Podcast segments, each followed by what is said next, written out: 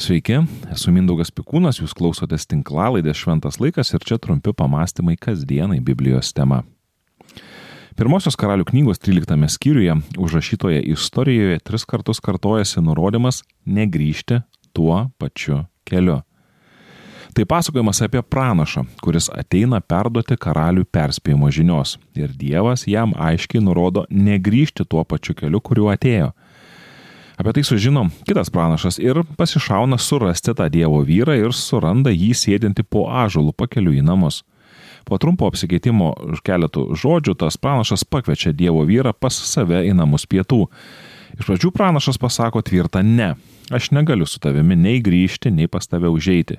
Šioje vietoje aš nevalgysiu duonos ir negersiu vandens, nes man buvo viešpaties liepta. Nei duonos valgysi, nei vandens gersi, nei keliu, kuriuo atėjai grįši.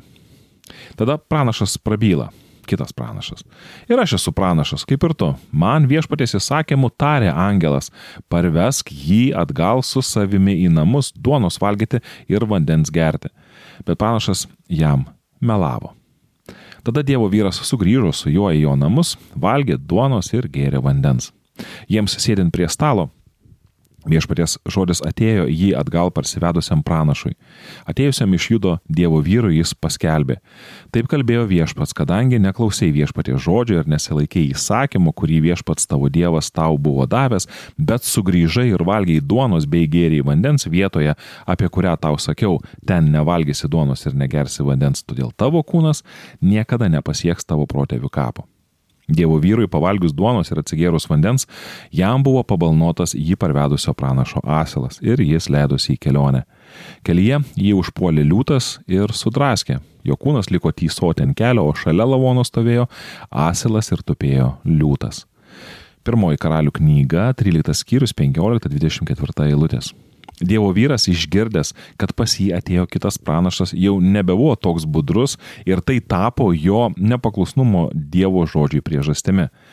Kelyje į namus jis prisėdo prie ažolo, kurį, kur jį sutiko tas jau minėtas kitas pranašas, pakvietęs jį pietų.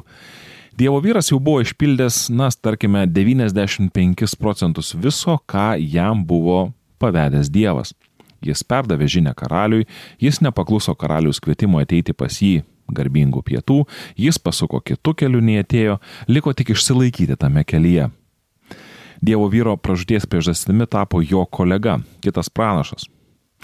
Adomas sugundė Jėvą, Jėzų išdavė Judas, karalių nužudė giminaitis, susitarimą sulaužė ištikimiausias sąjungininkas, Jėzų atmetė jo paties tauta. Labai dažnai esame nesuprantami tų, kurie yra arčiausiai mūsų ir išduodami tų, kuriuos vadiname draugais. Kodėl nutinka taip, kad artimiausi kartais atrodytų tampa didžiausiais priešais? Kodėl šis šioje istorijoje senas pranašas melavo? Gal jis norėjo įsiteikti karaliui, kuriam nepavyko pranašo palengti į savo pusę. Gal norėjo patikrinti, ar tikrai Dievo vyras bus iki galo paklusnus Dievo nurodymams. Gal jis buvo tiesiog niekingas žmogus, kuriam niešėjo nagai ką nors suklaidinti. O gal jis nuoširdžiai ieškojo Dievo ir meluodamas nesuprato iki galo, kokią rimtą klaidą daro. Na, Biblija mums nesuteikia informacijos apie seno pranašo tokio elgesio motyvus. Tačiau aš norėčiau iškelti savo teoriją, kuri, manau, na, nėra per daug jau ir nutolusi galbūt nuo tiesos. Vienos iš Evangelijų autorius Matas rašė, kad žydai Jėzų išdavė nukryžiuoti iš pavydo. Todėl ar gali būti taip, kad pavydas ir šioje istorijoje apie karalių, Dievo vyrą ir pranašą yra tas nematomas priešas? Ar gali būti, kad senas pranašas pavydėjo? Jis juk irgi pranašas ir dar tas, kuris jau gyveno tame mieste, Betelyje. Kodėl šiam darbui buvo pasirinktas nevietinis? Žinoma, istorijoje į šį ir šiuos klausimus nėra tiesiogiai atsakoma, tačiau pavydas turi tūkstančius veidų. Iš visko ir e, visko gali būti, jog čia kaip tik ir matome vieną iš niekingiausių, niekšiškiausių jo pasireiškimų, kai pranašo pražūties priežastimi tapo jo paties kolega, pavydintis kolega.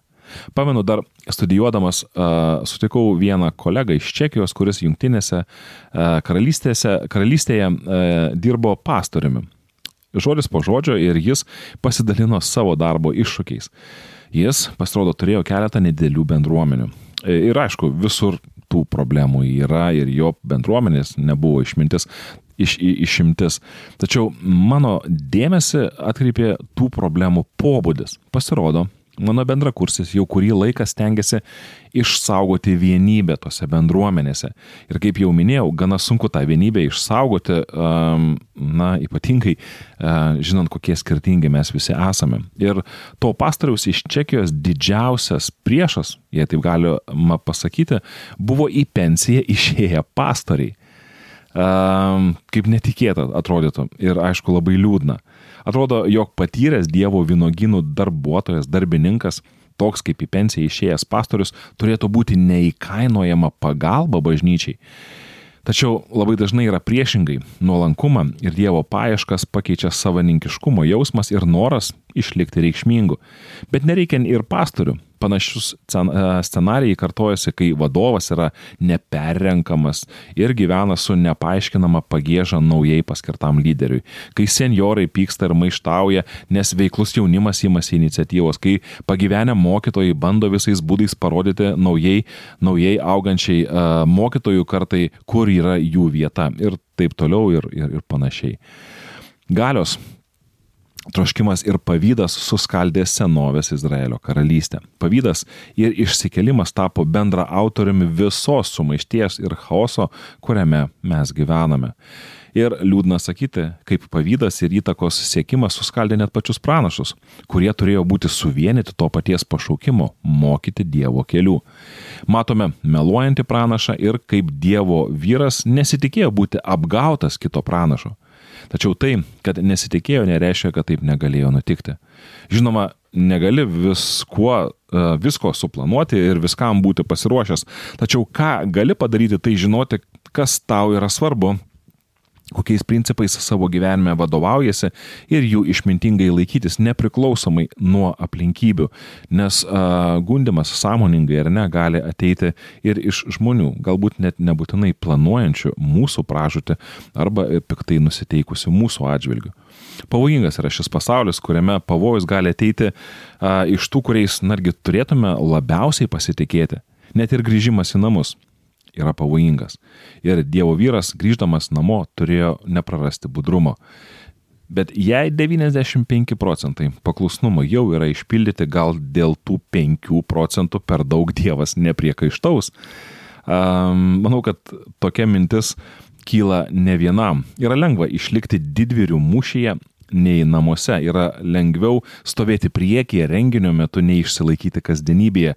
Tačiau šis pasakojimas mums primena, kad 100 procentų ištikimybės uh, vertybėms yra mūsų apsauga.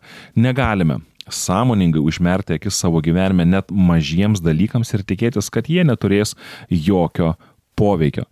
Gal mes nekrisime vietoje mirties angelų ištikti, nes išsigandę pameluosime arba neleisime nepagarbiam arba leisime nepagarbiam žodžiui išsprūsti iš mūsų lūpų.